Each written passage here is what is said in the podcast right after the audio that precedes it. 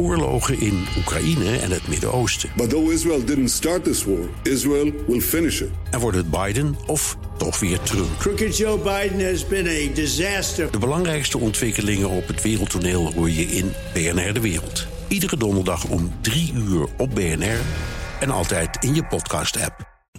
De column van Paul Lasseur. Door alle commotie vorige week rond de geheime reddingsoperatie van KLM en het behoud van Mainport Schiphol voor ons land, werd ander transportnieuws een beetje verdrongen. Over ons enige echte nationale vervoermiddel, de fiets.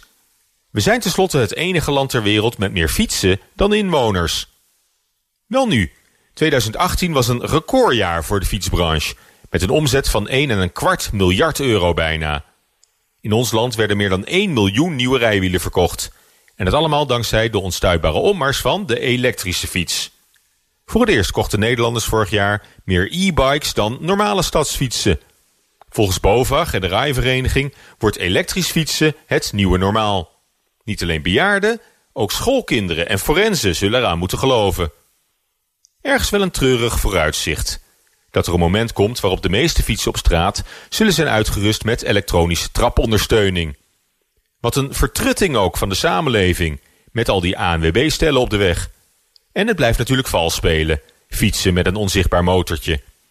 Ik weet nog goed hoe ik op mijn racefiets voor de eerste keer moeiteloos werd voorbijgepeddeld door zo'n jongbejaarde dame met pittig kort kapsel en een prei die achteruit de fietstas stak. Nu hoort het er nog gewoon bij. Groepjes plattelandsjeugd die dagelijks met gemak 10 kilometer naar school op de fiets afleggen. Compleet in regenpak als het moet. En al jong de levensles krijgen dat je bij tegenwind gewoon harder moet trappen. Zo bezien lijkt de doorbraak van de e-bike een serieuze bedreiging te vormen voor onze nationale fietscultuur. Maar het is de vooruitgang. En je houdt het toch niet tegen. Daarom kunnen we de elektrische fiets maar beter omarmen en ruimhartig faciliteren. Als onderdeel van de energietransitie. Helemaal als je bedenkt dat veel burgers hieraan wel van harte willen meebetalen. Gemiddeld wordt vorig jaar ruim 1200 euro neergeteld voor een nieuwe fiets. Het zou daarnaast wel eens een doeltreffende manier kunnen zijn om de kloof tussen stad en land een beetje te dichten en de leefbaarheid in dorpen en krimpgebieden te vergroten.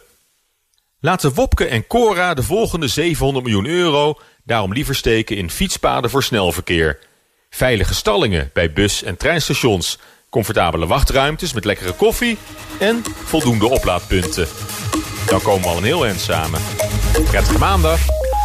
En dat was de column van uh, Paul Lasseur op bnr.nl. En in de BNR-app vind je meer columns en podcasts.